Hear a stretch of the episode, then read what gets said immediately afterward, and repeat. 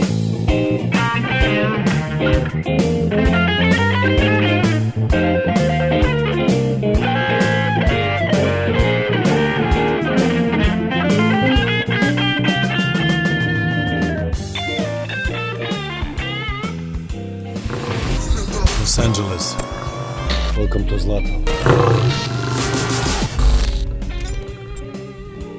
grote soccershow zeggen natuurlijk ook welkom Slatan. Het heeft een tijdje geduurd, maar hij heeft dan toch getekend bij LA Galaxy.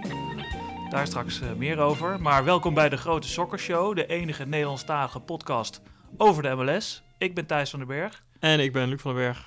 Leuk dat je weer luistert. Je kan ons natuurlijk volgen via Twitter, het Grote Soccershow. En abonneer je even op de podcast via iTunes. En schrijf even een review, dan weten wij wat we goed doen en eh, wat we niet goed doen. Vinden we leuk om te lezen. Ja, en sinds deze week eh, niet alleen via, via iTunes of via Soundcloud, maar ook via TuneIn en via Stitcher. Eh, dus ja, je hebt eigenlijk geen reden meer om niet te luisteren naar ons. Precies. Dus nou ja, dat, ook via die kanalen, staat ook op onze Twitter, kun je ons vinden. Laten we beginnen met het nieuws van deze week. Het belangrijkste nieuws wat eigenlijk de hele MLS-week bezig hield. Slatan, komt hij nou wel of niet? En hij kwam vrijdag. Werd er een eh, grote aankondiging in de Los Angeles Times, denk ik. Ja. Eh, nou ja, voor twee jaar. Dus naar LA Galaxy. Een dag ervoor, volgens mij werd al bekend eh, dat zijn contract ontbonden werd bij Manchester. Hè? Dus Ja. toen voelden we het helemaal aankomen. En toen op vrijdag helemaal de kogel door de kerk. Maar zometeen eh, nog veel meer over. Zeker, zeker. We gaan er flink over uitweiden zometeen. Door naar het volgende nieuwtje, want grote rivaal LAFC. Die zit ook niet stil. Die halen dan ook gelijk een, eh, nieuwe speler. De 21-jarige André Horta. Komt van Benfica, maar was uitgeleend aan Braga. Sporting Braga, ja. Ja. Kost dan 7 miljoen euro, eh, dollar, sorry. Eh, en wordt dus de derde designated player bij LAFC naast Vela en Rossi. Ja, is dat... hadden ze dat nodig, vraag ik me dan af. Ja, weer, het het is weer een aanvallende middenvelder. Ja, Ik vraag het me af. Want ze lopen daar met z'n allen, ze lopen met z'n allen al daarvoor in. ja vooral, die, vooral die Vela en Rossi natuurlijk eh, zijn heel goed op elkaar ingespeeld. Ja, Maar ja, waarom je daar dan nog extra iemand nodig hebt? Ik zou dan zeggen, doe dan of een verdediger of een eh, meer verdedigende middenvelder. ja. Eh, Nou ja, ze hebben nog eh, eh, ze hebben één doelpunt tegen, geloof ik. Hè? Dus, ja, eh, nee, op zich staat het allemaal ook wel goed. Dus nou, wel benieuwd. Nou ja, er zal wel, Bob Bradley is een aardige coach en hij heeft tot nu toe goed op de rit. Hij zal wel weten wat hij wil. Hij, stuurt, hij mag zijn eigen team samenstellen. Dus Ja. eh, ik neem aan dat daar wel een gedachte achter zit. En, en het is een jonge speler, hè? dus eh, Ja. zij, zij kijken ook wel naar de toekomst eh, hiermee, denk ik. Ja, nou ja, we zullen zien. Misschien kan die aankomende zaterdag gelijk alweer meedoen De derby. in de grote derby. Dan Vitor Vasquez van Toronto FC heeft bijgetekend. Heeft een, eh, heeft een meerjarig contract eh, eh, getekend bij, bij de Canadezen. En nou ja, hij begon vorig jaar bij de club uit, uit Toronto. En maakte daar goede indruk met 20 assists en 10 doelpunten. En maakte in de MLS Cup finale nog, ook nog de winnende. Ja, de Dus, 2-0. eh, ja, de beslissende eigenlijk. Hè. Dus Ja. in de laatste minuut, geloof ik, liep hij de 2-0 binnen. En toen was het gebeurd. En toen was hij de man. Ja, Vasquez die we natuurlijk ook nog kennen uit België, Ja. van, van Brugge. Ja. Eh, maar ja, bij Toronto ook heel echt een belangrijke rol speelt op dat middenveld. Zeker. Achter eh, de twee eh, spitsen Jovinko en eh Eltidoor. Klopt. Hij legt nu even uit met de rugblessure, geloof ik. Maar hij is daar wel echt belangrijk. En ze zien dus ook echt wel meerwaarde voor de aankomende jaren met hem om door te gaan. Dus dat is mooi. Ja, lijkt me een goede zaak ook. Ja. En deze week werd ook bekend dat weer een MLS All-Star Game wordt gespeeld. Dus de beste spelers van de MLS in één team. Dit jaar op 1 augustus. En eh, de tegenstander werd bekendgemaakt. Dat is dit jaar Juventus. Ja, Oude ploeg van Jovinko. Dus die gaat tegen oud ploeggenoot spelen, waarschijnlijk. Laten we er even uitgaan dat Jovinko mee mag doen. En dus misschien de clash tussen de broers Higuain. ja want eh, Federico en Gonzalo zouden dan tegen elkaar spelen. Ja. Gonzalo natuurlijk de spits van eh, Juventus. Ja. En zijn, en zijn broer die speelt bij Columbus Crew. Ja, Federico Pipa. Eh Higuain. Higuain is ouder, hè? Dat is de oudere broer van... Ja, ja, die van Columbus is, eh, is de oudere broer. Ja. Eh, en vorig jaar zat hij niet bij het, bij het All-Star team. Dus het is nog even afwachten of hij dan daarvoor gekozen wordt. Maar nou ja, hij is dit seizoen wel echt al heel goed begonnen. Dus Ja. als hij deze lijn doortrekt tot augustus, dan zou ik zeggen dat hij daar wel bij zit. Inderdaad. De wedstrijd is in het Mercedes-Benz Stadium van het stadion van Atlanta. In Atlanta dus. En het team van MLS wordt gecoacht door Tata Martino. Dus die eh, speelt een eh, thuiswedstrijd. Coach van Atlanta natuurlijk. Ja. Coach van Atlanta. ja, het is ook wel leuk, want die Martino die heeft bijvoorbeeld eh die ballen ook laten deb- debuteren bij Argentinië.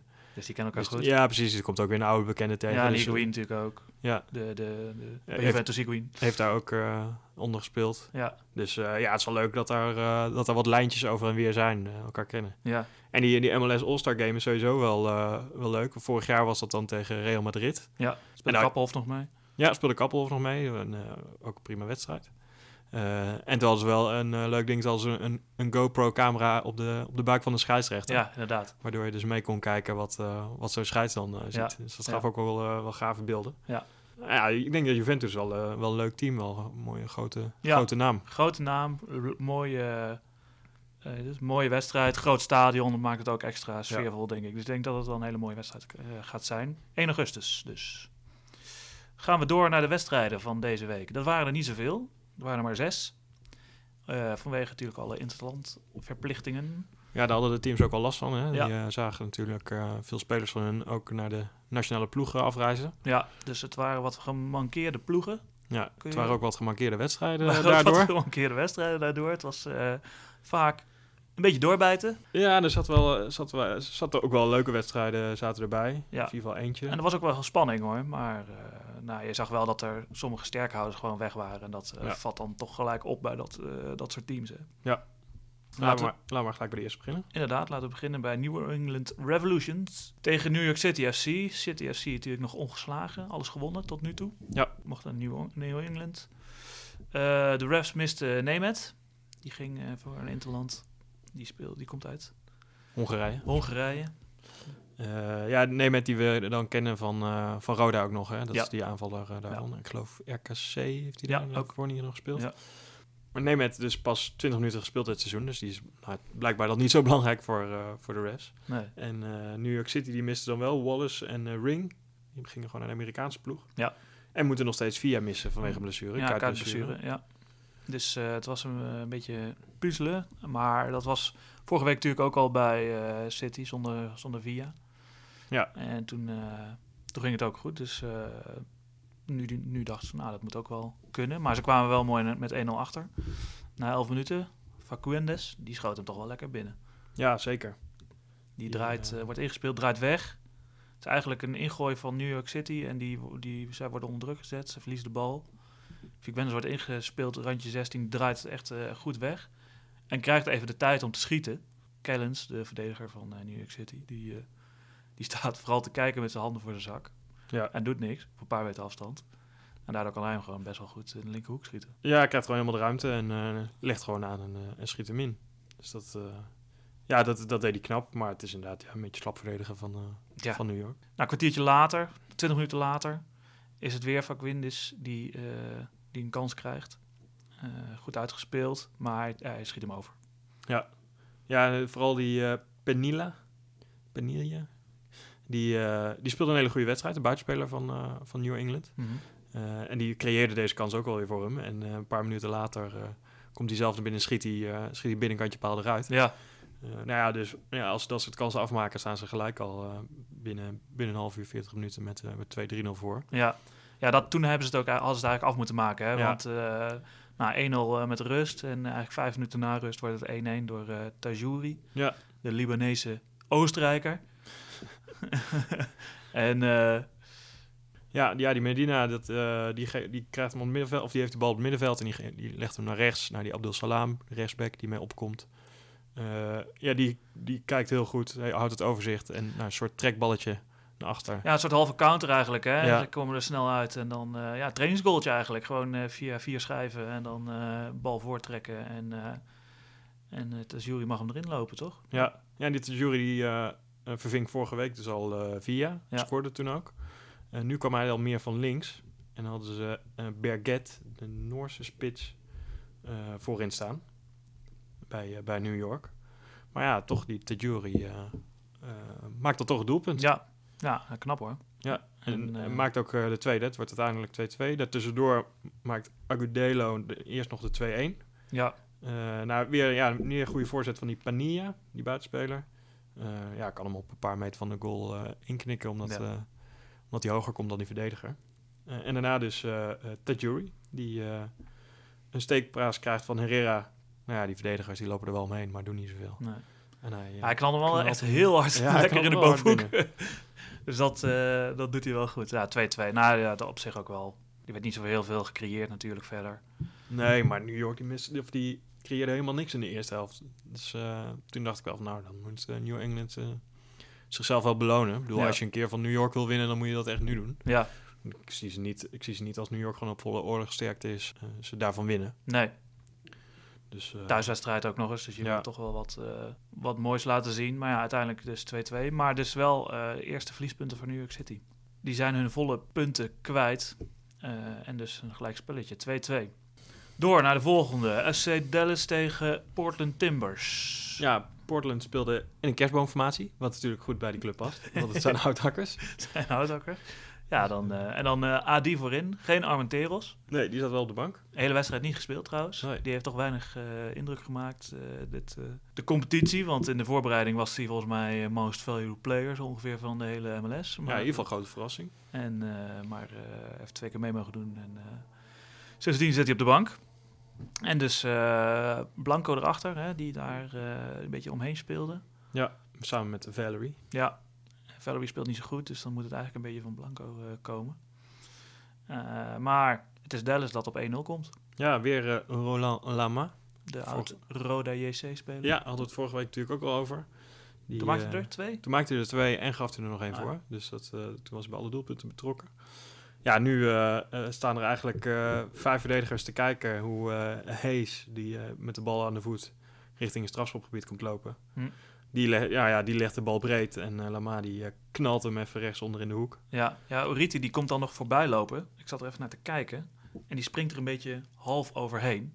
Dus ik dacht, is dat dan nog buitenspel? Maar ja, er werd niet, ook niet ge, Niet geappelleerd. of zo. Dus, eh, en er is een VRF, dus je zou denken van, nou ja, dan wordt er nog wel naar gekeken. Ja, Maar blijkbaar stond hij niet genoeg in de zo weg. hinderlijk. Het was niet eh, door, tussen zijn benen door, het was een beetje half dat hij er overheen sprong. ja. 1-0 dus bij de rust voor eh, Dallas. Maar eigenlijk twee minuten na de rust gelijk de 1-1 van, van Blanco dus. Ja, die maakt het dan wel gelijk waar. Die eh, krijgt de bal op rechts van, van, die, van die Adi, die ook een beetje naar rechts is uitgeweken. En Blanco komt naar binnen lopen en knalt even met links een beetje, nou ja, niet echt, niet echt punt 16, maar ietsje verder nog naar binnen. Ja, Eh, knalt hem in de verre hoek. ja gewoon een mooie krul eigenlijk eh, over de keeper heen in de linkerbovenhoek. Hè? Dus in de lange hoek. Een beetje een soort robbengoal eigenlijk. Ja, Zo noem ik ze altijd maar een beetje. ja, Naar binnen komen en dan eh, vanaf die rand 16 eh, hem in de bovenhoek krullen. Was er echt een goede goal. ja. Ja, dat was ook gelijk de eindstand, hè? 1-1. Ja. En daarbuiten gebeurde op zich nog wel Olum van Portland. Krijgt nog even de rode kaart. In de Ja, het was 65e een briljante actie ook van hem. Ja, die bal die komt gewoon op hoofdhoogte. Kan hem, kan, hem koppen, kan hem op zich koppen, maar Had, steekt zijn eh, hand uit. Had Maradona gezien. De... Ja, en wat, ja, hij steekt zijn hand uit, maar slaat hem niet in de goal. Zo. Ik bedoel, het is nou Nee. niet dat het Nee, het was een heel soort... veel functie had. Ja, precies. Hij aait hem zo een beetje half boven de hoofd. Aait hij de, de bal met zijn hand dus. Ja, Nou, dat wordt gezien. En eh, ja, hij had al geel. Dus dat is ook nog eens heel dom. Als je dan geen geel hebt, dan, dan, ja, nou ja, dan kun je dat nog eens doen. Maar had al geel, dus ja, rood. Tuledoki kon hij gewoon eh, inpakken. ja. verder ook niet heel veel kansen. Hè. Eh, Powell krijgt er nog eentje in de eh 84e minuut, Ja. bij het eind van de wedstrijd. Ja, maar ja, wat, wat opviel was dat het, dat het daar nog best wel warm was ook. ja. Ik bedoel, je zou ja zeggen- Dallas, hè, dat is natuurlijk wel wat zuidelijker allemaal. Ja, In Texas. Ik had wel verwacht dat het daar dan misschien ook nog wel een soort van winter zou zijn. Maar het was echt er was zelfs een waterpauze nodig Ja. om de spelers een beetje overeind te houden. Ja, het halve stadion leek ook leeg. Dat was ook zo gek. Maar wat bleek nou? Eh, heel veel mensen, er waren wel heel veel mensen, ja, maar die waren allemaal in de schaduw gaan zitten. omdat het fucking warm was in de, in de zon. Die gaan natuurlijk niet eh, anderhalf uur in de knallende Nee, het, eh, ja, het was 90 graden Fahrenheit. Wat is dat in Ja, Celsius? Ik denk iets van 25 graden of zo. Oh nee, 90 graden Fahrenheit is 32,2 graden Celsius. Kijk, Ja, dan is het wel nodig om even, even een watertje te drinken tussendoor. Ja, inderdaad.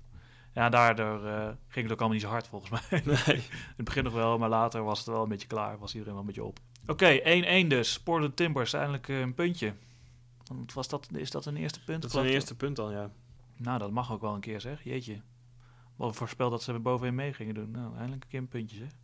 En, ja, en Valerie, dus nog steeds, hebben we nog steeds niet gezien. Nee, dat is ook wel bijzonder. De Ja, most wel zo- player wel vorig jaar, hè? 20 doelpunten vorig jaar of zo. Echt best wel veel. En nu, eh, ik geloof in vier wedstrijden, vier schoten, twee op goal of zo. Ja, echt. Dat eh, kan eigenlijk niet, hè? nee, echt En bizar. eigenlijk nog geen goede paas gegeven. Je zou bijna zeggen, is het dan een soort one-day fly-achtig figuur? Maar daarvoor kan hij toch te goed voetballen. Ja, daarvoor is hij technisch gewoon te goed volgens mij. Ja, Het is niet. eh, ik kan me ook van vorig jaar herinneren. Het is, waren niet echt allemaal geluks. Goals. Nee. Zo ik bedoel, kijk, je hebt wel eens van die spitsen die dan, zeker als je met zo'n expected goal eh, model gaat kijken, ja, van die spitsen die dan overachieven. Vaak van die spitsen die, goed, die goede aanvoer hebben en hem dan erin koppen of zo. Ja, precies. En eh, ja, als dan, als inderdaad dan je aanvoer, eh, als je die kwijtraakt, dan, dat je dan zelf ook in de moeilijkheden komt. Ja. Maar ja, hij is de aanvoer, zeg maar. En hij is gewoon technisch begaafd genoeg om zelf eh, kansen te creëren ook voor zichzelf. ja. En toch, ja, omdat hij het dan niet, helemaal niet heeft, dan, dan zie je hem ook helemaal niet. Nee, nee hij, is echt, hij is echt onzichtbaar. Het scheelt dat die Blanco dus nu naast hem speelt en dan nog, wat, nog een doelpunt kan maken bijvoorbeeld. Ja, Maar daardoor hebben ze wel echt te weinig stootkracht daarvoor in. Hè? Want dan, daarnaast heb je alleen die AD voorin staan. Nou, Ja. Armenteros is dus ook niks. Ja, dan krijg je wel een probleem dan met, eh, met scoren. Ja, en als je dan ook nog wel eens een doelpuntje tegen krijgt. Ja, dan, eh, dan schiet het natuurlijk helemaal niet op. ik ben benieuwd hoe, dat, eh, hoe zich dat gaat ontwikkelen. Nu een, hoe heet dat? Goal difference van min 5. Ja. Ja, dat eh, is Niet- het slechtste, van de hele competitie. Dus Ja. daar, ga je, daar ga je niet meer redden. Ga je de play-offs niet meer redden. Nee, Dus er moet daar echt wel wat gebeuren. nee. Het is wel bekend hoor, bij Portland er wordt wel gezegd. Dus een ploeg die pas later op stoom komt. Een beetje een soort Ajax, ook altijd. Dan eh, voor de winterstop eh, af en toe verliezen. En dan na de winterstop alles winnen. Ja, Dus nu, niet, gaat nu niet helemaal meer op. Maar dat was natuurlijk afgelopen jaar wel zo. En dat is schijnt bij Portland toch ook wel een beetje zo te zijn. We zullen zien. ja. Door naar Columbus Crew DC United. Columbus Crew doen het goed. Niet helemaal meer eh, ongeslagen. Hebben vorige week gelijk gespeeld tegen Philadelphia. 0-0. Saai wedstrijd. Columbus nu eh, zonder Steffen, de keeper. En Ja. Trapper, eh wegens de Interlands. En DC miste zelfs vijf spelers. begint eigenlijk met een kansje na 20 minuten voor Zardes. Kopballetje uit de corner van Higui. En een minuutje later kan Valenzuela de 1-0 maken. Eh Arthur geeft de bal dan eh, met een hakje aan. Martinez die, die steekt hem voor. Iemand komt net een teentje tekort, de verdediger van, eh, van DC. En Valenzuela kan een beetje halfvallend hem dan erin werken. Ja. Beetje rommelig. Dan na een half uur spelen worden dat toch 1-1 hè, bij eh Assad. Scoort voor DC. Ja, Acosta die heeft de bal aan de rechterkant en die, ja, die houdt het overzicht en ge- geeft hem breed naar Assad en die kan ook rustig aanleggen. Zo. Echt rustig ook, hè? ja, hij schiet hem ook prima in, gewoon in de rechterhoek. En die, eh, die reservekeeper Kempin, Ja, die staat ook gewoon alleen te kijken. ja. Die, Die, speelde, nou, die, had nog wel, die pakte nog wel eens een balletje, maar dit was echt gek. Ja, daar, daar Ja. stond hij echt naar te kijken, inderdaad. Ja, hij had, hij had ook wel last van eh terugspeelballen en zo. Daar kon hij ook, eigenlijk ook niet zo heel veel mee. Maar die, die Assad en die Acosta, dat zijn toch wel de mannen die het voorin moeten doen. Dit Ja. zijn twee goede creatieve Klopt, die spelers. Assati komt van Atlanta United. Hè. Die was zijn plekje een beetje kwijtgeraakt, dus die is uitgeweken naar DC. Ja, ik wil wel nog wat zeggen over die Acosta. Ja. Dat is dan daar wel de man, maar dat vindt hij zelf ook heel erg. Hij ziet eruit en loopt als Jovinko. Ja. Maar hij deed echt werkelijk alles fout die wedstrijd. ja, Echt, holy shit, hoeveel ik hem ballen heb zien in, inleveren, zeg. Dat kan gewoon niet. Helemaal niet als je zo vrij vaak de bal krijgt. Dan moet je daar gewoon meer mee doen. Helemaal deze wedstrijd. Als je, daar, als je die ballen gewoon, als je gewoon ballen goed meegeeft, goed inspeelt. Hij speelde gewoon heel vaak de bal in de voeten van de, van de verdediger. Dan denk ik van, ja, kom op man. Als je denkt dat jij zo goed bent, je hebt nummer 10 op je rug. Ja. Laat dan ook even wat zien. ja, het is wat dat betreft een beetje te veel momentenvoetballer. Hè? Ja, Ik vind, want ik vind hem wel, als hij aan de bal komt, dan op zich gebeurt er wel wat. Hij kan, vaak, hij kan, hij kan er wel wat mee, maar het is heel, heel vaak ook gewoon of, of niet geconcentreerd genoeg of zo. Of ik weet niet Ja. wat het dan is, ja ik weet het ook dat niet. hij hem dan maar- toch eh, inlevert. Ja, ja, het is te wisselvallig. Misschien ja, dat hij dan nog jong is en dat het dan gewoon nog niet goed genoeg is of zo. Nog, nog niet constant genoeg. Maar het viel me echt tegen deze wedstrijd. Ja. Eigenlijk, normaal is hij echt wel iets beter, maar nu viel het me wel echt heel erg op eigenlijk. Dan eh, voor rust wordt het eh, toch nog 2-1, hè, 40e minuut. Ja, Higuain eh, met de corner. En Clark, verdediger, ja. die komt nou, nog voor de eerste paal. En met een soort boogballetje Ja, valt hij bij de tweede paal. De keeper, ja, inderdaad. valt hij daar binnen. Eh ja, Higuain dus de assist. En die heeft nu 50 doelpunten en 50 assists Ja, in MLS. 50-50. Ja, de man, eh, de man van 50-50. Eh, en daarna een moment Ja, wat eh, redelijk gek is. ja Eh, precies. Nou ja, wij zaten, wij waren het aan het kijken en eh, nou, wij waren elkaar een beetje aan het whatsappen van, eh, eh, over die wedstrijd. En op een gegeven moment maakt Abu Bakar, die maakt me toch een Afrikaanse zijsovertreding Ja, weet je, op gekke, Acosta. Ja, Misschien was de Acosta daarom ook niet zo goed meer.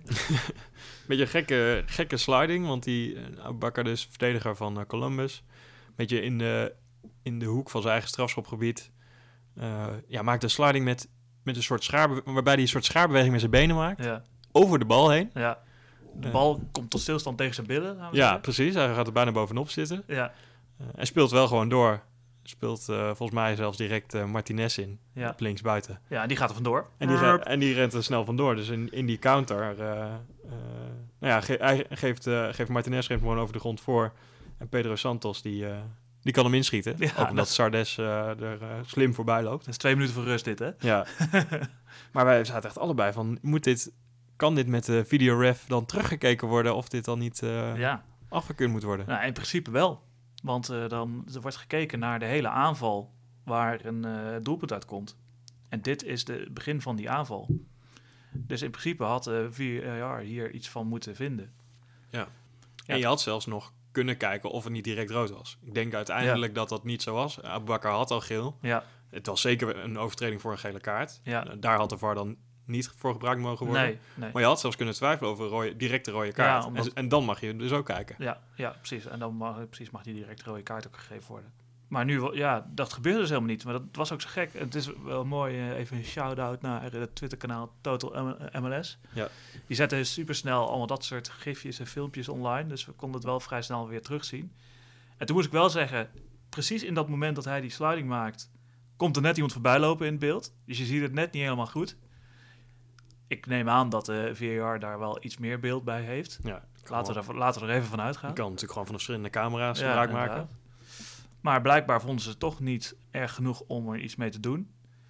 Het kan ook best zijn dat de scheidsrechter op het veld, want die heeft uiteindelijk de macht, laten we zeggen, die moet al, dat is de eindverantwoordelijke.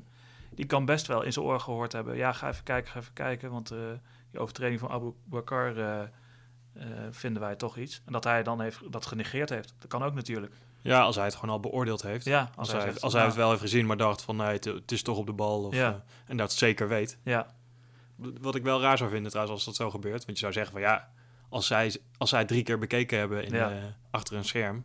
Ja, dan zou ik toch ook wel even gaan kijken. Ook al denk je zelf het wel goed gezien te hebben. Ja, nou ja, ik ook hoor. Maar ja, dat, dat kan dus wel, volgens mij. Volgens mij mag de scheidsrechter het gewoon naast zich neerleggen. Maar, nou ja, die coach van DC werd ook helemaal gek. Die werd helemaal gek, want het is dus gewoon of 2-1 bij rust en tegen 10 man. Ja, In het beste geval, laten we zeggen. ja voor DC. Voor DC, ja. Ja, en nu staat dus 3-1, is de wedstrijd eigenlijk gespeeld. Ja, Abu Bakar werd in de rust ook gelijk gewisseld. ja die dachten, ze dachten daar natuurlijk ook van. Dit gaan we niet nog een keer... eh, Wel een mooi feitje. Dit was de honderdste goal van Columbus Crew tegen DC United in regular season. Over alle seizoenen gezien. Honderdste goal? Kan Ja. dat? Vast gewoon de honderdste goal van honderdste tegengoal van DC United Nee, in totaal. ja, door Columbus. Door Columbus. Ja, Dat is wel bijzonder. Ja. Ja. Het zou op zich wel kunnen, want eh, het zijn wel twee ploegen die al heel lang meedoen in ja, Nederland. ja, precies daarom. Redelijk Dus vanaf het begin. Dus, ja. eh, Maar uiteindelijk, en Columbus bleef ook veel beter ook gewoon na de rust. Hè? ja, de beste kansen eh, kregen ze. Zardes schiet nog een keer. schiet nog een keer over en komt hem nog een keer tegen de lat. Ja, echt onder de lat eruit. Ja, Dan nog een keer via de lat wordt hij ook nog een keer uit een corner eh, van Pedro Santos eh, op de lat gekopt. Of dat nou een verdediger is of een aanvaller van, van de Columbus. Dat is een beetje onduidelijk, maar nou ja, overal is het eigenlijk gewoon dat die C vooral slordig was eigenlijk met het balbezit wat zij kregen. Want ze hadden echt niet zoveel, niet veel minder balbezit of zo. Eh, maar ja, Costa was dus niet, vond ik niet goed. En dat scheelde wel heel erg. En eh Higuain deed eigenlijk wel alles goed. ja. Die, eh, echt een goede speler. dat is, die is echt wel eh, de man eigenlijk daar op dat, eh, op dat middenveld. Die zorgt voor heel veel verwarring, vooral bij die verdedigers. Want die loopt Zardes hou- houdt dan twee, drie man bezig. Want die loopt alle kanten op. En Higuain kan dan heerlijk daar achter een beetje zijn plekje zoeken. En de hele tijd een beetje, ook weer een beetje weglopen. Een beetje tussen de linies gaan lopen. Ja. Een overstapje, af en toe een paasje. En, eh, En maakt daardoor ook wel ruimte bijvoorbeeld voor Martinez. Die, Ja. die vond ik echt goed spelen aan die linkerkant. ja. Ja, ze hebben natuurlijk die twee eh, backs die ook opkomen. Ja. Die Aful en, die, eh, en Martinez en die van Valenzuela. Valenzuela. Dus eh, daardoor kan die Martinez heeft daar ook een beetje een soort vrije rol. Ja, Omdat die Valenzuela wel eroverheen komt, komt denderen. ja. Nou, dat doen ze goed. En ze staan nu dus bovenaan, hè, de crew. Ja. Bovenaan de conference en, en de gewoon algemene competitie. Ja. Dus samen met New York City. Maar op doelsaldo geloof ik helemaal bovenaan. Ja. Dus dat is knap. Gaan we door naar New York Red Bulls tegen Minnesota United. Ja, met eh, New York met eh, Bradley Wright Phillips weer, eh, weer in de basis. Ja. Die werd natuurlijk altijd gespaard voor de Champions League. Maar nou, afgelopen week werd geen Champions League gespeeld. Nee, dus kon hij gewoon weer meedoen. Dus hij mocht gewoon meedoen. En wel, de miste, beide ploegen misten wel wat internationals. maar dat vooral, dat hebben we ook in die vorige wedstrijd rondom de Champions League en zo gezien. Hè? Vooral Red Bull kan dat heel makkelijk eigenlijk opvallen opvangen met eh, jonge jongens. Ja. En dat scheelt wel echt. En dat zie je uiteindelijk ook in de eindstand. eh, en in het spel ook. Ja, New York was heer en meester. Ja, Eh, zeker. en winnen met 3-0. Dat durf ik wel alvast te verklappen. Ja. En ik vond ook die Mule, die maakte na een kwartier de 1-0. Die speelde Mhm. echt een hele goede wedstrijd. Ja. Die 1-0 komt hij dus vanaf rechts buiten, dribbelt hij de 16 in. En mooie schuiver met links, denk ik. In de, in de linkerhoek, Ja. onder in de hoek. Was echt een goede goal, vond ik. Ja, vooral ook omdat hij, terwijl, terwijl hij die bal krijgt het strafschopgebied, maakt een verdediger, de linksback, die maakt een sliding, maar Ja. aan zijn verkeerde kant. Dus Ja, aan de buitenkant. Aan de buitenkant, de tussen, de zijlijn en hem in, Ja, inderdaad. terwijl je denkt van, wat, wat probeer je daar te verdedigen? Wat, Ja, schijnverdediging, een soort alibi creëren. Dat je in ieder geval ieder geval wat gedaan een hebt. sliding hebt gemaakt, of iets, iets Ja, gedaan hebt. Dat je, dat je broekje vies is als Ja. je weer naar binnen gaat. Ja. Dat was, eh, dat was een beetje eh, opmerkelijk, maar hij schoot, daarna schoot hij hem wel goed Hij liep daarna Dus, nog eh, iemand voorbij en schoot daarna ja. keihard onder in de, in de goal. Dus dat was wel echt een goede goal. En ja, vlak voor rust Bradley Wright Phillips weer, hè? Ja. Weer, weer een spitse Kan er, maar, kan er maar één zijn. Nee, ja, een, vri- een vrije trap vanaf de middenlijn. Die wordt door Parker, de verdediger, de nieuwe verdediger van New York, wordt richting goal gekopt. Eigenlijk veel te zacht voor een kopbal op, op Ja. goal. Gewoon recht op de keeper af. Dus die staat ook met zijn handen zo klaar om de bal te vangen. Maar ondertussen kwam eh Wright Phillips even vanaf de 16 aanrennen. En die, die kan nog een voetje tegen die bal zetten, vlak voordat de keeper hem kan vangen. En die lift hem zo over de keeper heen. Ja, Nou, hoppakee, 2-0. Geef me 2-0 rust in. Nou ja, en Minnesota, ja, die had niet zoveel in te brengen. Dus toen was eigenlijk wel de wedstrijd wel gespeeld, hè? ja. Ja de, daarna is het dus nog wel, wordt er, een, eh, wordt er een doelpunt nog afgekeurd voor Royer. Vlak voor rust nog. Anders Ja. was het gelijk al 3-0. Maar ja, Waarom die wordt afgekeurd is me totaal onduidelijk. nee, ja, ja, er ligt op een gegeven moment wel iemand op de grond. Ja, maar er gebeurde niet zoveel. Nee. Maar dat, dat zal wel de reden zijn dat hij, Ja. is, eh, eh, dat hij was afgekeurd. En dan, dan wordt het uiteindelijk 3-0 ook weer door, door Wright Phillips. En Die, weer een, een assist van die Mule, hè? Ja, die geeft echt, van, volgens mij van voor de middenlijn nog, geeft een soort, soort paas om de verdediger heen. Ja, precies. Wright Phillips en die verdediger rennen richting goal. En hij gaat precies zo om die verdediger Ja. heen Waardoor Wright Phillips hem eh, een soort van rand 16 eh, bij hem krijgt. voor zijn voeten. En een soort eh, charisma rechtsbuiten schiet hij hem zo. Ja, die keeper die komt eruit en inderdaad met rechtsbuiten schiet hij hem in de linkerbovenhoek. Echt, echt knap afgemaakt. Ja. ja, die Wright Phillips is echt wel... Hij was vorig jaar, vorige jaren sowieso al goed, vond ik. Maar hij, hij valt toch echt op, hè. Dat hij echt Ja. heel makkelijk uh, Maakt gewoon altijd de doelpunt. goalie scoort. Ja, Ja.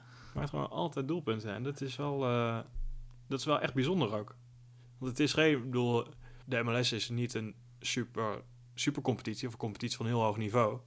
Maar het is ook niet super makkelijk om daar nou 30 doelpunten te maken. Want het is, gaat allemaal, het is allemaal best wel fysiek. Ja, Dus je zou zeggen, voor, want hij is ook al redelijk op leeftijd. Ja. Ehm, ja, weet hij, dat, weet hij dat toch allemaal met zijn inzicht en met zijn techniek, weet hij daar toch allemaal mee te spelen. En Ja. toch iedere wedstrijd zo'n beetje een goal te maken. Ja, inderdaad. Hij verdeelt gewoon heel goed zijn energie. Dat zie je gewoon ook thuis als je zo'n wedstrijd zit te kijken. Je gaat een beetje op hem letten. Hij is toch heel vaak ook een beetje aan het slenteren. Een beetje aan het... eh, nou, af en toe trekt hij wel even een sprintje. Maar hij weet gewoon heel goed het moment te kiezen. Dan is de verdediger hem ook helemaal kwijt. Dat is namelijk bij die 2-0 ook die hij maakt. De verdediger die staat Ja. er gewoon rustig bij hem te kijken hoe die vrije trap wordt genomen. En dan rent hij in één keer weg. Echt op een beetje raar moment. En dan is het verdediger, oh shit, ik moet achter hem aan. Ja, dan is hij dus te laat. Want hij heeft nog wel startsnelheid om weg te zijn. Ja. Want hij schiet ook nog een balletje op de paal. Dat is eigenlijk precies hetzelfde. Hè? Dan komt hij ook, is hij net even flitsend. En dan is hij net, komt hij net even voor de man, schiet hij het balletje op de paal. En eh, ja, dat is echt wel heel knap. En op het laatst dan, de laatste Red Bull uh, Minnesota nog even komen. Krijgen ze nog een kansje. Ja, Finlay komt er nog op de lat, hè? Ja, maar het is echt, uh, ja, Red Bull is gewoon veel beter. Ja die, ja, die spelers zijn gewoon een klasse beter. Dat zie je dan gelijk eigenlijk, hè? Ja, want Zo. zeker ook als, uh, als Wright Phillips dan zelf niet aan de bal komt... dan weet hij wel genoeg mensen bezig te houden... dat die, dat die Roya en die Mul ja. aan de buitenkant wel aan de bal komen. Ja. Die daar, ja, die daar ook prima mee uit de voeten kunnen. Ja, inderdaad. Die kunnen gewoon goed voetballen, jongens. Dus dat, is, uh, dat scheelt wel. En, ja, en ze hebben dus genoeg backup, hè? Dat scheelt ook. die Rivas kwamen weer in en... Dus dat zijn allemaal jongens die en dus wel steeds ervaring opdoen in de competitie. En ja. uh, daardoor steeds beter worden. Dus uh, makkelijker in, ingepast kunnen worden als er dus of mensen uitvallen of met internationals of weet ik veel. Dus uh, ik denk, als je het zo ziet, dan is New York Red Bulls wel echt voor de eindoverwinning uiteindelijk MLS Cup, wie weet zelfs. Zijn ze toch wel, als je nu naar dat team kijkt, best wel gegadigde, denk ja, ik. Ja, nee, zeker. Ze moeten het wel... ik denk wel dat ze heel ver moeten kunnen komen, ja. Ja, uiteindelijk werd het dus 3-0 voor New York Red Bulls. Door naar de volgende wedstrijd. Colorado Rapids tegen Sporting Kansas City. Uh, Colorado heeft geen uh, internationals, dus die konden gewoon iedereen opstellen die ze wilden. En ze hebben dus Joe Mason erbij. Ja. Een huurling van Wolverhampton.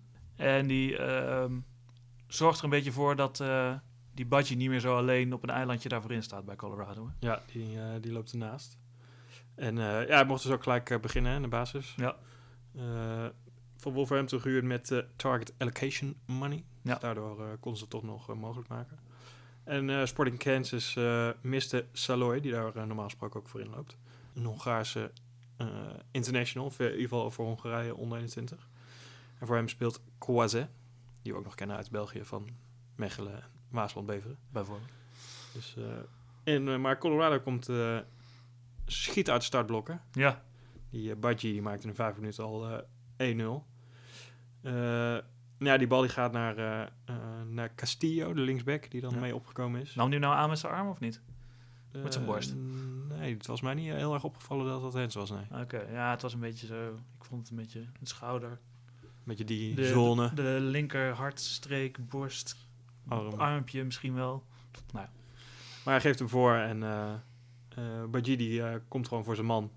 Die, die tikt hem in. Een beetje half oog, half oog tegen de keeper nog aan. En ja, het was gewoon te dichtbij voor die keeper om nog echt te ja, reageren. Ja, precies. Die krijgt hem echt op ho hoogte. Op een meter afstand of zo. Ja, ja dus die kon niet veel meer doen. De, schiet hem in. En gelijk uh, uh, een paar minuten daarna is het al 2-0 door Mason. Ook weer een lange bal van achteruit. En die Baji die staat wel bij het spel. Maar die, maar die, die, gaat, die loopt gewoon rustig terug. En Mason die, uh, die gaat wel door. Die loopt alleen op de keeper af. Wel nog een verdediger. Komt nog achter hem aan. Ja. Dan denk je, oké, okay, maak maar af, schiet maar in. Ja. Nee, kom, komt van Wolverhampton, lekker bij de buurt. Uh. ja. Maar die gaat dan nog een keer een rondje op zijn as draaien Ja, of zo. inderdaad. Die gaat er nog heel erg zitten twijfelen. Ja, En dan uiteindelijk nou, met een beetje gerommel krijgt hij hem alsnog, uh, krijgt hem alsnog erin. ja, schiet hij een beetje half onder de keeper door. Wat me ook opviel, eh, precies, de verdedigers van eh, Kansas City dachten dat ook. Van nou, loop maar door en schiet er maar in. Dus Ja. die, die zag je al zo een beetje terugwandelen. Ah ja, kut. ja. Maar toen ging hij nog een keer om zijn as draaien. En toen ging ze nog een keer Ja. terugrennen. Ik denk, als je dat nou gelijk doet, dan had je op de lijn gestaan. Als hij hem de bal erin had eh, willen schieten, dan had je hem er vanaf kunnen tra- trappen. Eh Kansas City heeft niet voor niks. De meeste tegendoelpunten, geloof ik, hè, tot nu toe. Ja, staan er, en staan er nu, ben je dus nu bovenaan. Dus dat is wel helemaal knap. Ja, Eh, want het wordt uiteindelijk nog 2-2. Eh, ja het is, eh, de Kansas City zegt de comeback kid. Hè? ja. Ja, tegen die legendarische wedstrijd dit seizoen eh, tegen Chicago natuurlijk Ja. al. ja. Eh, en nu ook weer ja, 2-0 achter, maar eh 57e minuut Gutierrez, die we kennen van Twente. Ja, weer. Echt. Weer. Ja. Die heeft de afgelopen vier, vier wedstrijden vier keer gescoord. Eh, ja, ja, zeker. Ja, hij, heeft, nou, hij heeft niet iedere, niet iedere wedstrijd gescoord. Want hij heeft eh, toen tegen Chicago maakte hij er twee. Ja. Dus misschien, ik denk de laatste drie wedstrijden vier keer gescoord. Ja, ja. Is, ook, eh, is ook topscorer nu samen met Martinez, die natuurlijk eh, van Atlanta. Ja. Die natuurlijk een keer een hat maakte.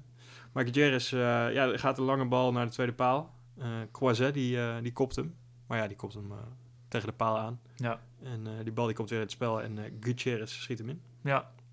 Nou ja, precies. En uiteindelijk wordt Kansas City, die, die wordt dan wel wakker of zo. Hè? Dus die gaan dan wel weer aanvallen. Dat kunnen ze dan op zich wel weer goed. En die Gutierrez is daar heel belangrijk in. En Tim Howard, de keeper van Colorado Rapids, die kreeg veel bal op zich af. Moest ook zeven reddingen maken dit, deze wedstrijd. En had echt wel ook weer goede reddingen. één op eens en zo, die die eruit haalde. Echt WK 2014 eh, Ja, die, staal. die Howard was wel echt wel beste man bij eh, Colorado. Ja, Anders ja. was het al veel eerder eh, ja, eh, gelijk geworden. ja, dat is wel trouwens het probleem bij Colorado. Hè? Als je keeper de beste is, dat is meestal geen goed teken. Nee, maar dat is wel waarom ze nog een punt pakken, denk ik. ja, zeker. Maar uiteindelijk wordt het dus wel 2-2 in de allerlaatste minuut. Rubio van Kansas City, die schiet hem er dan in. Het is eigenlijk... Gutierrez die geeft nog één steekbal. En Ja. dan zie je hem zo door zijn, ongeveer door zijn hoeven gaan. Zo echt De helemaal, laatste kracht. het laatste krachtig één goede steekbal. Ja, die gast staat ook gelijk helemaal vrij in het eh, 16 meter gebied van, eh, van Colorado Rapids. En uiteindelijk komt die bal dan bij Rubio terecht. En die eh, schiet hem dan vanaf een paar meter eh, binnen. Ja. Via een hakje eigenlijk van die Shelton die hem, eh, de bal eerst krijgt. En dan eh, schiet hij hem eh, erin. Nou ja, 2-2, laatste minuut. Jackson van Colorado krijgt trouwens nog echt, laatste seconde krijgt hij nog een stuiterbal vanaf 30 meter. Hij denkt, probeer het gewoon. Schiet hij hem net over. Ja. Echt, dat was echt, dat was echt een legendarische goal geworden als die erin was gegaan. Maar eh, nee, hij blijft dus bij 2-2. En het is, eh, ja, het is toch wel opmerkelijk Kansas City zoveel doelpunten tegen krijgt. En uiteindelijk dus nog bovenaan staan. Ja. Want ze hebben nu dus al 9 doelpunten tegen. Dan hadden ze vorig, vorig jaar dus 13 wedstrijden waren daarvoor nodig. Nu dus 3. Ja, daar moet wel iets aan veranderen, anders krijgen ze echt een probleem. Het scheelt nog dat ze nu eh, af en toe een doelpuntje maken. Ja, Gutierrez eh, vooral.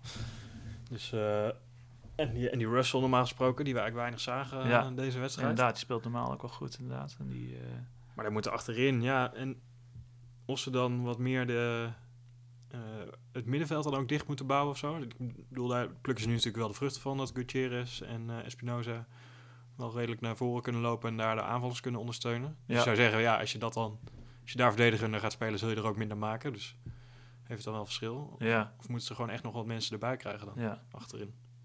Ja, ik weet niet. Ze hebben daar toch wel bomen van een kerel staan. Ja. Dus je zou zeggen, nou, dat moet dan toch wel goed komen. Maar dat, ze lopen er toch net iets te makkelijk doorheen of zo. Die zijn dan toch iets te stijf en te statisch om, ja. om een beetje goed te kunnen verdedigen tegen eh, veel van die snelle aanvallers die bij al die clubs lopen. Bij Colorado hebben ze dus die meesten nu erbij. Ik denk dat het wel scheelt voor die Budgie die daarvoor in staat. Die staat niet meer op zo'n eilandje, maar die, eh, ja, die moeten toch ook maar eens even aan elkaar gaan wennen. Want het was nog niet heel erg overtuigend. Nee. Nee, ik vind het Colorado sowieso. Het is vooral Howard die daar eh, Ja, nou, nu dan uh, uitblonk, maar ja, die normaal denk ik er gewoon de grootspeler is. Ik weet ook niet, hij is dan ook eh, designated player, hè? ja. Is dat nou, zou je die plek dan op willen offeren aan een keeper, vraag me dan af.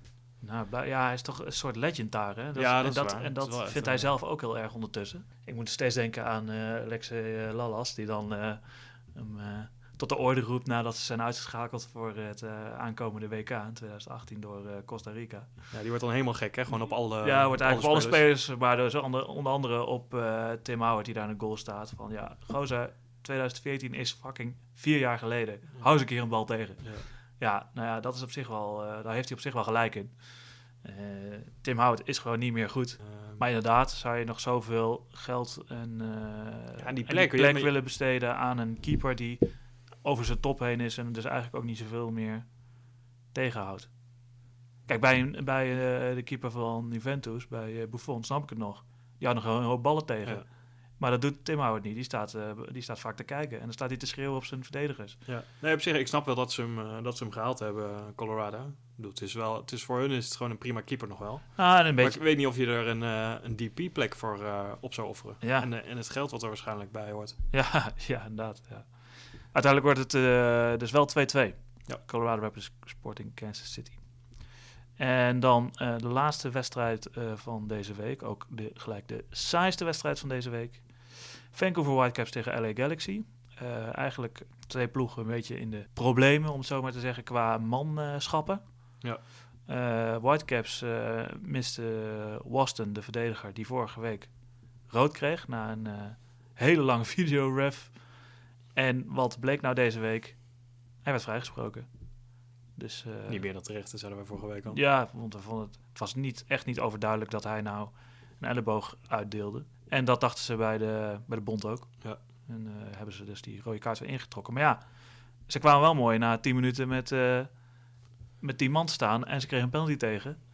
En, en Lenta wint met 4-1 eh, die wedstrijd. Ja, ik, moet, ik denk dat Atlanta sowieso wel beter was. Maar als zij daar gewoon met die verdedigers blijft staan... dan wil ik het nog wel zien of dat Ja, eh, zo makkelijk gaat. Zeker. Want dat is wel het spel van Vancouver en dat zag je ook in deze wedstrijd. Zij parkeren gewoon de bus en dan gaan ze met die snelle ma- mannen voorin, gaan ze gewoon eh, counteren met die, eh, Ja. met die Davis en Camara deed weer mee deze week. Dus dat eh, scheelde. Marcel Jong deed weer mee, weer hersteld van zijn ribblessure. Maar ja, voor die, die die zijn rode kaart maakte niet zoveel uit voor deze wedstrijd, hè, omdat hij dus sowieso interlands eh, speelde. nee, inderdaad. Dus eh, ja, het, wa- het was, had eigenlijk de wedstrijd moeten zijn van de twee Camara's tegen elkaar. Ja, Hè? Kai ja. Camara van Vancouver tegen Ola Camara van Galaxy. Ja. Eh nou, Kai Camara deed dus mee, Ja. maar Ola die, was opgeroepen voor Noorwegen. En die was op stoom in Noorwegen. ja, die maakte wel gelijk even een hat-trick. ja, Ze speelden met Noorwegen tegen Australië. Ja, verder moesten alleen nog, eh, nog wel meer mensen missen, want eh, allebei de broers eh, Dos Santos zijn geblesseerd. ja, En Alessandrini. ook geblesseerd. Hun Ja, drie designated players Ja. konden alle drie ja en, en Cole, de aanvoerder, hadden ze nog een rode kaart staan. Die, Die die aangenaaid is door David Villa. ja, inderdaad. Toen die, die 1200 meter over het veld van New York City moest teruglopen. Eh, ja, nog even een balletje gepitcht en ja, inderdaad. daar op dat honkbalveld. vanaf de heuvel, inderdaad. Nou ja, dus ze hadden ook maar 17 man op het eh, wedstrijdformulier staan bij Ja. Galaxy. En die dachten gewoon, nou ja, weet je, wij komen naar dat eh, BC-stadium in eh, Vancouver. Wij gaan met z'n allen voor de goal liggen. En dan zien we het wel. En dan zien we het wel. Nou ja, dan krijg je dus een ploeg die normaal gesproken de bus parkeert... tegen een ploeg die nu sowieso voor de goal ging liggen. Ja, 0-0. Ja, meer is er eigenlijk ook niet zoveel over te zeggen. meer is er niet over te zeggen. Hè. Nee, het is... de kansen die er kwamen, waren er voor Vancouver eigenlijk. Die uh, Teixeira, hè, die eh, krijgt af en toe nog wel een kansje. Ja, eh Reina die gaat nog een keer op de keeper af. Die Bingham, die van, van LA, die houdt dan nog goed de bal tegen. Maakt Ja. zijn goal goed klein. Boateng van LA krijgt nog wel een kansje. Klein, snel ventje. En die Ja. zet ook zo'n verdedigingskaart opzij. Dat deed het toch wel goed? Beetje een soort Nigel Hasselbank is dat. Ja, ja inderdaad. Klein, donker, sterk ventje. Ja, inderdaad, ja. ja dat, was, dat, dat zeg je goed, ja. En eh, ik vond het wel mooi, na een uurtje krijgt dus eh, die Teixeira van Vancouver, die krijgt dan een vrije trap op een mooie afstand, weet ik veel, 20 meter of zo. En dan wordt er dus een muurtje neergezet. En ik ging even tellen hoeveel mensen er in het muurtje stonden. Ja, tien gasten van LA Galaxy stonden dus in het muurtje. Dan- iedereen en van dan keeper, eh, En dan stonden dus ook een paar gasten van Vancouver ertussen. Er stond gewoon, het, gewoon alle spelers ongeveer stonden in de 16 van, eh, van LA. Daar zag je dus al aan van, nou ja, die gaan echt niet eh, proberen überhaupt een goal te maken. Die gaan proberen om een goal, een goal tegen te houden. En dan verder, eh, dan zien ze het wel. Ja, maar ja, als je dus je, je vier beste spelers mist, Ja, kun je ook niet heel veel anders nee, dat klopt. Dus Dus 0-0. Gaan we door eh, naar de stand. Even kort. We zeiden het al, City dus perfecte score kwijt. Nu gelijk gespeeld. En dus eh, samen met Columbus bovenaan met eh 10 punten uit vier wedstrijden. Ja. In de Eastern is dat. En de Western staat dus best wel verrassend. Sporting Kansas City bovenaan met 9 doelpunten tegen. Ja. Maar wel eh 7 uit 4. Zeg ik het goed, hè? Ja, net als Vancouver, die staan allebei zo samen bovenaan, zeg maar. Ja. Gutierrez is nu samen met Martinez de topscorer. Vier Ja. doelpunten. Vier doelpunten. Ja, knap. En volgende week is het eh, wel een vol programma. Gaat gewoon eh, volle bak gevoetbald worden. Dan zaterdag 31 maart is het Toronto FC tegen Real Salt Lake. Orlando City tegen New York Red Bulls. Columbus Crew tegen Vancouver Whitecaps. Mooi pot. En dus de grote derby LA Galaxy tegen LAFC. Wel echt eh, leuke wedstrijden. Ja, zeker. Dus die LA eh, Galaxy tegen FC, dat is natuurlijk de grote klapper van de avond. Maar Ja. daarvoor ook al Toronto tegen eh, Salt Lake. Ja, Maar ook Orlando tegen New York Red Bulls. Met de Killstan. ja tegen zijn oude ploeg. Ja, Dat kan denk ik wel leuk worden. inderdaad. En ja, Columbus Crew tegen Vancouver. Dat is ook een clash van stijlen natuurlijk. Ja, dat, ja. Dat is ook wel interessant. Beetje, wel een beetje afwachten wat dat wordt dan. Ja, Vancouver niet alleen maar gaat verdedigen, waardoor het misschien een beetje moeizaam wordt. Maar Ja. op zich, eh, Columbus wil altijd wel aanvallen. Dus Ja, dat, het kan juist ook weer heel leuk worden. Ja, ik ben benieuwd. En dan zondag gaan we door met Chicago Fire tegen Portland Timbers. Twee ploegen die niet zo heel lekker zijn begonnen. Dus eh, wie weet dat ze tegen elkaar een eerste overwinning kunnen halen. Minnesota United tegen Atlanta United. Eh, San Jose Earthquakes tegen New York City FC. Houston Dynamo tegen New England Revolution. eh, Sporting Kansas City tegen DC United. Colorado Rapids Philadelphia Union. En Seattle Sounders tegen Montreal Impact. Dat zijn de elf wedstrijden voor volgende week. En dan gaan we nu door naar het grote nieuws van deze week. Ja, normaal gesproken eh, doen we altijd één, één onderwerp wat we wat verder uit willen lichten. Hè? Ja, vaak dingen die we een beetje uitleggen. Maar ja, deze week konden we eigenlijk niet meer om eh, het grote nieuws heen. Hè. Zlatan Ibrahimovic gaat naar de MLS en tekent bij LA Galaxy. Hij gaat voor twee jaar eh, naar LA Galaxy eh, voor 3 miljoen. En hij is gehaald met targeted allocation money. En leg nog eens even een keer uit hoe dat dan precies zit. Ja, normaal gesproken is het dus zo dat eigenlijk de, de grote spelers zijn vaak de designated players. Hè? Ja, en dat is dus Zlatan nu dus niet. Inderdaad. En eh, normaal gesproken bij designated player, dat is een soort uitzonderingspositie. eh, waarbij dus die speler meer mag verdienen dan de rest. LA had al drie designated players, wat we al zeiden. De broers dos Santos allebei en eh, Alessandrini. Ja. Ehm, en toch konden ze Zlatan halen. Ze hoefden geen transfersom te betalen, omdat eh, United al zijn contract ontbonden had. Ja. En ze betalen dus eigenlijk alleen een, een- zijn salaris. En dat is twee keer anderhalf miljoen dollar voor die twee seizoenen. Ja. Eh, en ze betalen dat dus met targeted allocation money. Eh, en waarin dat verschilt met de general allocation money, de, de GM en de TAM. Ja, twee, Zoals de Amerikanen dat twee eh, termen die vaak gebruikt noemen. worden inderdaad. Ja. Eh, dus de TAM, eh, wat ze, eh, het budget wat ze nu gebruikt hebben, dat is ook echt om een, een wat betere speler te halen. Dus ook om eh, eh, salarissen of budgetten te betalen tussen de half miljoen en anderhalf miljoen. Eh, dus waarschijnlijk is dat ook de reden dat hij een, nu een salaris heeft gekregen van anderhalf miljoen, omdat dat echt aan de bovenkant van die range zit. Ja, Anders hadden ze hem niet met dit geld kunnen halen. ja. Eh, hadden ze hem dus designated player moeten maken, maar ja, daar was, Daar was geen plek voor. daar was geen plek meer voor. Dus dat dan had hadden ze een van die anderen weer met target allocation money moeten downgraden, laten we Hadden ze zeggen. dat salaris weer naar beneden moeten brengen, waardoor er een plek voor Zlatan vrij zou komen. Ja, Eh, dus nou, op zich hebben ze dit dan als een soort oplossing. Nou ja, en blijkbaar is Zlatan daar ook mee akkoord gegaan. ja nou ja, dat hij, geen, hij heeft geen super salaris. eh, nee, ik geloof dat hij bij. Manchester, ik geloof ik, meer dan 20 miljoen verdiende of zo. Ja. Echt heel veel geld. Ja, nu gaat hij naar anderhalf miljoen per jaar. Maar ja, eh, vergeet niet, hij is natuurlijk de, het grote uithangbord van LA Galaxy wordt hij. Met alle sponsordeals die daarbij horen. Dus het is, ik denk niet dat hij anderhalf miljoen gaat verdienen. Hij gaat veel meer verdienen. Natuurlijk, Herbalife zit erachter. Ja. Die hele entertainment group zit daarachter. Die uiteindelijk Beckham ook naar eh, LA Galaxy hebben gehaald destijds. Daar gaat echt nog wel wat meer centen dan eh, anderhalf miljoen eh, gaan er naar die jongen. Ja. ja, het is, en het is sowieso een heel uithangbord voor de, voor de MLS. Dus ik denk dat Adidas bijvoorbeeld er ook al heel blij mee is dat hij Bijvoorbeeld, ja. daarheen is. ja. Dus daar, zal, ja, daar komt ook nog geld vandaan. Misschien ook wel van al die, precies van al die sponsors die om de MLS heen hangen, Heineken, weet ik veel wat. Dat er allemaal vanuit die kant allemaal wel geld gestort wordt op de rekening Ja, van de familie. het, het, het Ibrahimovic. geeft hem in ieder geval natuurlijk weer kansen om daar, eh, ja, om daar voor gewoon marketingdoeleinden weer op, opdrachten zeg maar, tussen aanhalingstekens binnen te halen. Ja. ja, het is wel grappig, hè? want het, het speelt al jaren. Ze zijn ook echt bij... eh, in Amerika is het echt zo van... Hè, jezus, eindelijk, hij is er hoor. Het heeft zo lang geduurd. En het begon eigenlijk al allemaal in eh, 2016. Toen zijn contract bij Paris Saint-Germain afliep. Nou, hij zag daarin van... Nou, ik heb nu een paar jaar geprobeerd om daar... eh Champions League te winnen, dat lukt niet. Ik ben hier een paar keer kampioen geworden, beker gewonnen. Nou, ik geloof het hier wel. Ik wil een andere kant op. Hij had daarvoor al een keer een interview gezegd eh, over de MLS. Van, nou ja, daar zou ik best wel eh, naartoe willen. Want mijn grote vriend David Beckham, die die kende uit de tijd nog bij Paris Saint-Germain. Want Beckham kwam dan in de jaren dat hij bij Galaxy speelde in de winter vaak naar Europa, AC Milan. Eh, Paris Saint-Germain heeft hij dus ook Ja. gezeten. Eh, om daar eh, dan zijn conditie op peil te houden en of nog blijven voetballen.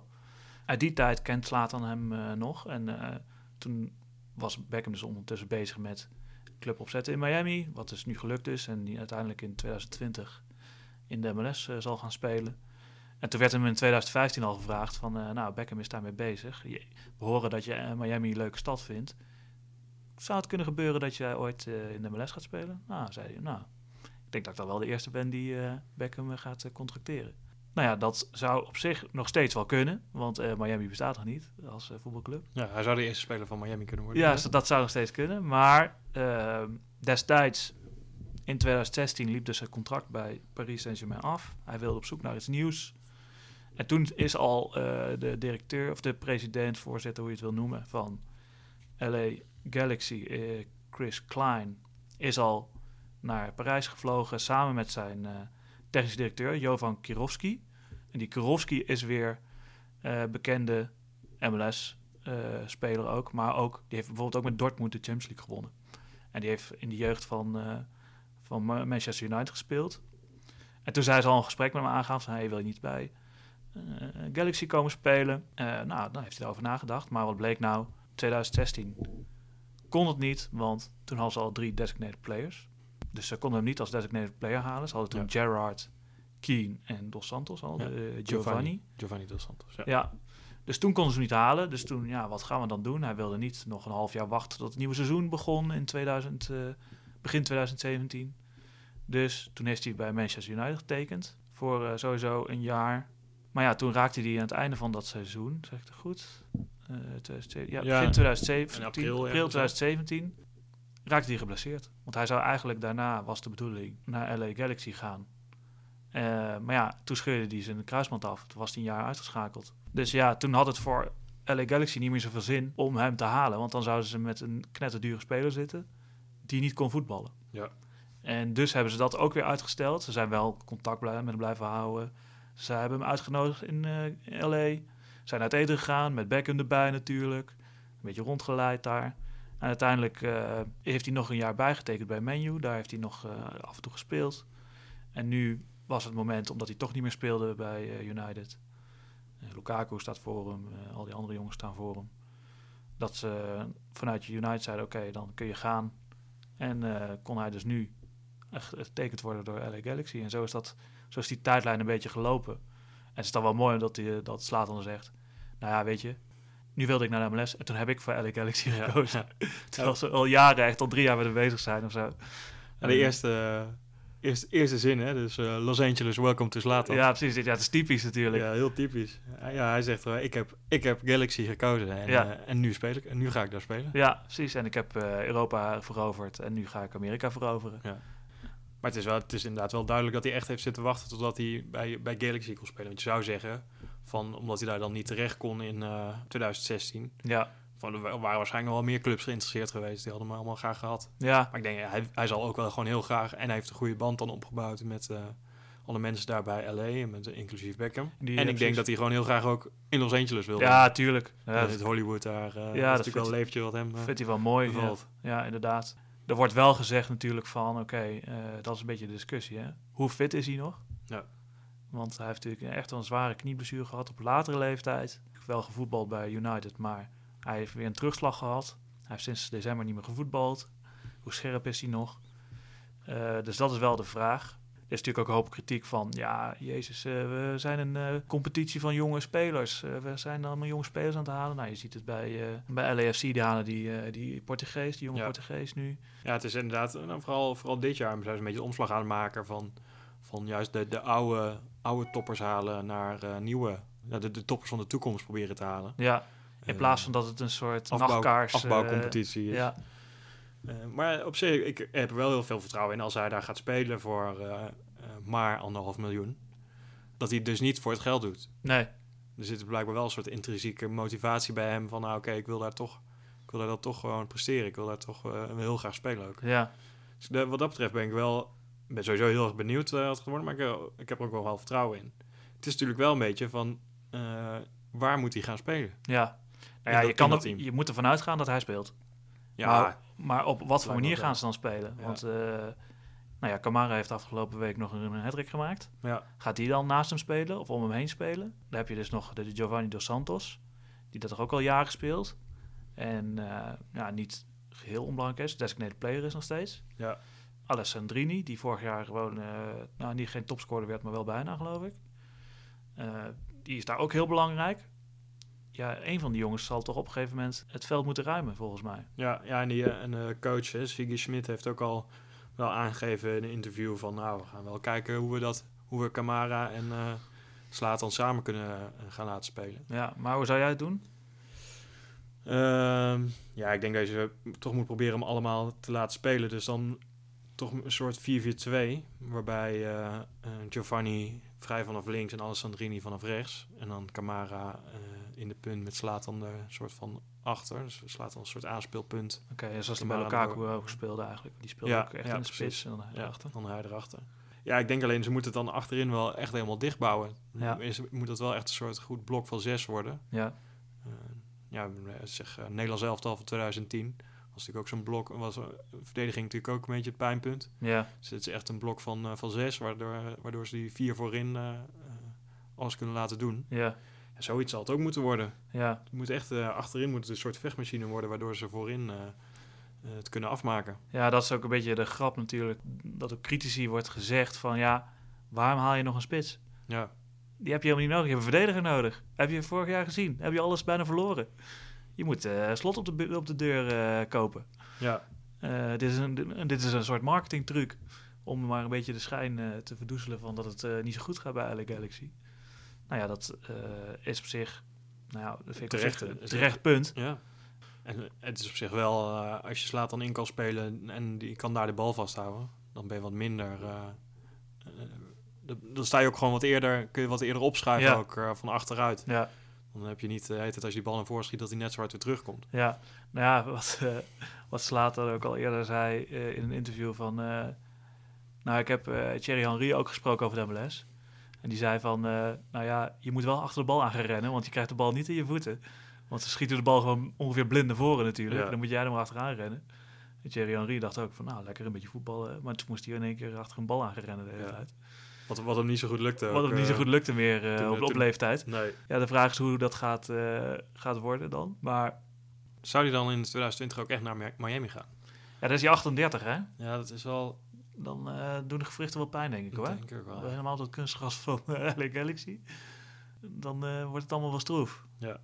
Op zich wel, Mino Raiola, zijn zaakwaarnemer, heeft natuurlijk wel net huis van El Capone in Miami gekocht. Nou ja, dat dus is kunnen wel... ze daar wel mooi hè, lekker aan het zwembad liggen ik, met z'n ik tweeën. het zeggen, misschien is dat wel, een mooi beeld. voorteken. En dan, uh, ja, dat is wel een mooi beeld inderdaad. Ja, die twee daar, Beckham, die ze dan een drankje serveren. ja. ja. Nou ja, het, het, zou zomaar kunnen. Of een andere rol natuurlijk bij die club, hè. Want dat zie je wel ja. meer aan de, in Miami zitten. zit ook Nesta en zo, die zitten ook daar in die hoek. Nou ja, misschien komt hij daar niet meer als speler, maar dan gaat hij daar iets anders doen. Of uh, assistent trainer. Of, nou ja, en je ziet het ook. Vieira bijvoorbeeld, die is nu ook gewoon trainer bij uh, City, New York City. Is natuurlijk wel ouder, maar uh, die is een relatief jonge trainer eigenlijk. Uh, om zo vanuit Amerika dan weer een grote trainer te worden, wie weet. Ja. Volgens uh, Rayola wordt hij een groot zakenman, maar uh, ja, hij kan natuurlijk investeerder worden in die club van Beckham ook nog. ja, kan hij ook nog. Uh, ik ben heel benieuwd of hij volgende week al meedoet bij de, De derby. bij de derby. Ik ben bang van niet.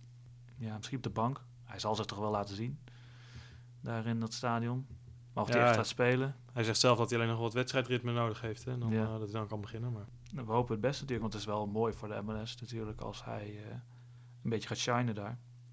Maar wel leuk dat het uiteindelijk toch gebeurd is. Want uh, het heeft allemaal lang geduurd. Ja. En het was gewoon het contract dat je wist dat ging komen. Hè? Ja. Laten we door dan even gaan naar onze MLS Fantasy League. ja, mijn favoriete onderdeel. Uh, het was natuurlijk een beetje een gekke week. Want uh, er waren maar weinig wedstrijden. Ja. En uh, ja, ik heb zelf on onwijs grote fout gemaakt Je door geen spelers te wisselen. Dus ik had maar een paar spelers die punten konden verdienen. Ja, ik dacht ook van ja, kijk, als ik nu mijn hele team overhoop ga halen en het gaat dan niet goed, dan worden ze allemaal weer wat minder waard. Dan heb ik wat minder, kan ik er wat minder voor terugkopen. ja. Dus ik dacht, nou, ik laat het, ik laat het zo staan. Maar dat leverde maar zeven punten op, de speelronde. Dat is- en, dat is niet veel. Nee, dat was het minste van iedereen bij ons in de Fantasy League. Uh, en ja, de koploper al van vorige week, uh, die loopt nog verder uit. ja die, die, Armin Terrorized Defensals. die doet goede zaken inderdaad. Ja, die pakte 78 punten deze speelronde. die maakt Die had uh, Bradley Wright Phillips als aanvoerder. Dus dat leverde dan 26 punten op. Had bijvoorbeeld ook Higuain. Ja. Had 12 punten opgeleverd. Gutierrez volgens mij. ja, die heeft Dus, ook, ja. ja, die loopt nou echt, echt uit. Hij heeft, heeft 308 punten. Dat is uh, gewoon meer dan 100 punten dan de nummer 2. Dat ben jij nog steeds. SC in de bag. Ja, ik had even wel even wat geswitcht. Amateros uh, uit mijn team gepleurd. Want uh, Ja. Nou ja, daar, nou, je zag het deze week. Hij speelde al helemaal niet meer. Nee. En toen heb ik uh, door een beetje uh, tactisch uh, in te ruilen. En ik had gelukkig nog wat geld van mijn eerste ronde extra. Dus ik kan nog een miljoen of twee extra te besteden. Kon ik uh, Bradley Wright Phillips uh, in mijn ploeg krijgen. En gelijk als aanvoerder ook, hè? En gelijk als aanvoer. Nou, 26 punten. Ja. En verder nog twee punten, geloof ik, met eh Abu Bakar. En, Die, want die pakte redelijk wat punten vorige week. Dus Ja. dat was op zich een slim move. ja, maar ik, ja, zei- ik zei nu, het eh, vorige aflevering nog van, nou ja, die ga ik erin zetten, want dat, is, eh, dat is een goudmijn. Maar eh, nu... had, eh, had nu niks gescheeld of wel het rood ik gepakt. eh, dat hij gewoon een dikke minpunten gehad. En op drie is dan nog, om de top drie nog even compleet te maken, eh Vitor Vasquez FC, 181 punten. Had eh, deze 136 punten, ook vooral door Bradley Ward Phillips. Dus dat, eh, dat is eigenlijk de speler nou, die de meeste mensen die nu nog een beetje bovenin meedraaien hadden. Ja, ik moet toch maar weer even gaan kijken. Ik moet toch mijn team misschien wel weer even helemaal over de hoop gaan halen. Ja, inmiddels gezakt naar de zevende plaats bij ons in de league. is niet best. Is niet best. Nou ja, verder voor iedereen die meedoet, hè, blijf je team ook updaten. Je ziet maar hoe slecht het kan gaan als je het een weekje niet doet. Ja, inderdaad. En ja, mocht je nog mee willen doen, kan nog steeds. Je kunt gewoon eh, blijven aanmelden. En eh, ook omdat we twee halve seizoenen spelen, dus eentje tot de zomer en eentje na de zomer, Ja. zou je nu alvast even kun- alles kunnen uitproberen, zodat je dan eh, na de zomer nog een, eh, een winnend team ervan kan maken. Ja, precies. Bijvoorbeeld een andere opstelling gaan spelen. Want ik speel 4-2, maar eh, nummer 1 speelt bijvoorbeeld 3-4-3. En die pakt daar heel veel punten mee. Ja, wat, wat misschien ook wel slimmer is, want, die, Ja. want die met, het verschil tussen een verdediger die scoort of een aanvaller die scoort is helemaal niet zoveel. Nee. Terwijl het natuurlijk veel grotere kans is dat een aanvaller een doelpunt maakt. Ja. Dus misschien dat ik dat ook maar eens moet gaan doen, ja. Ja.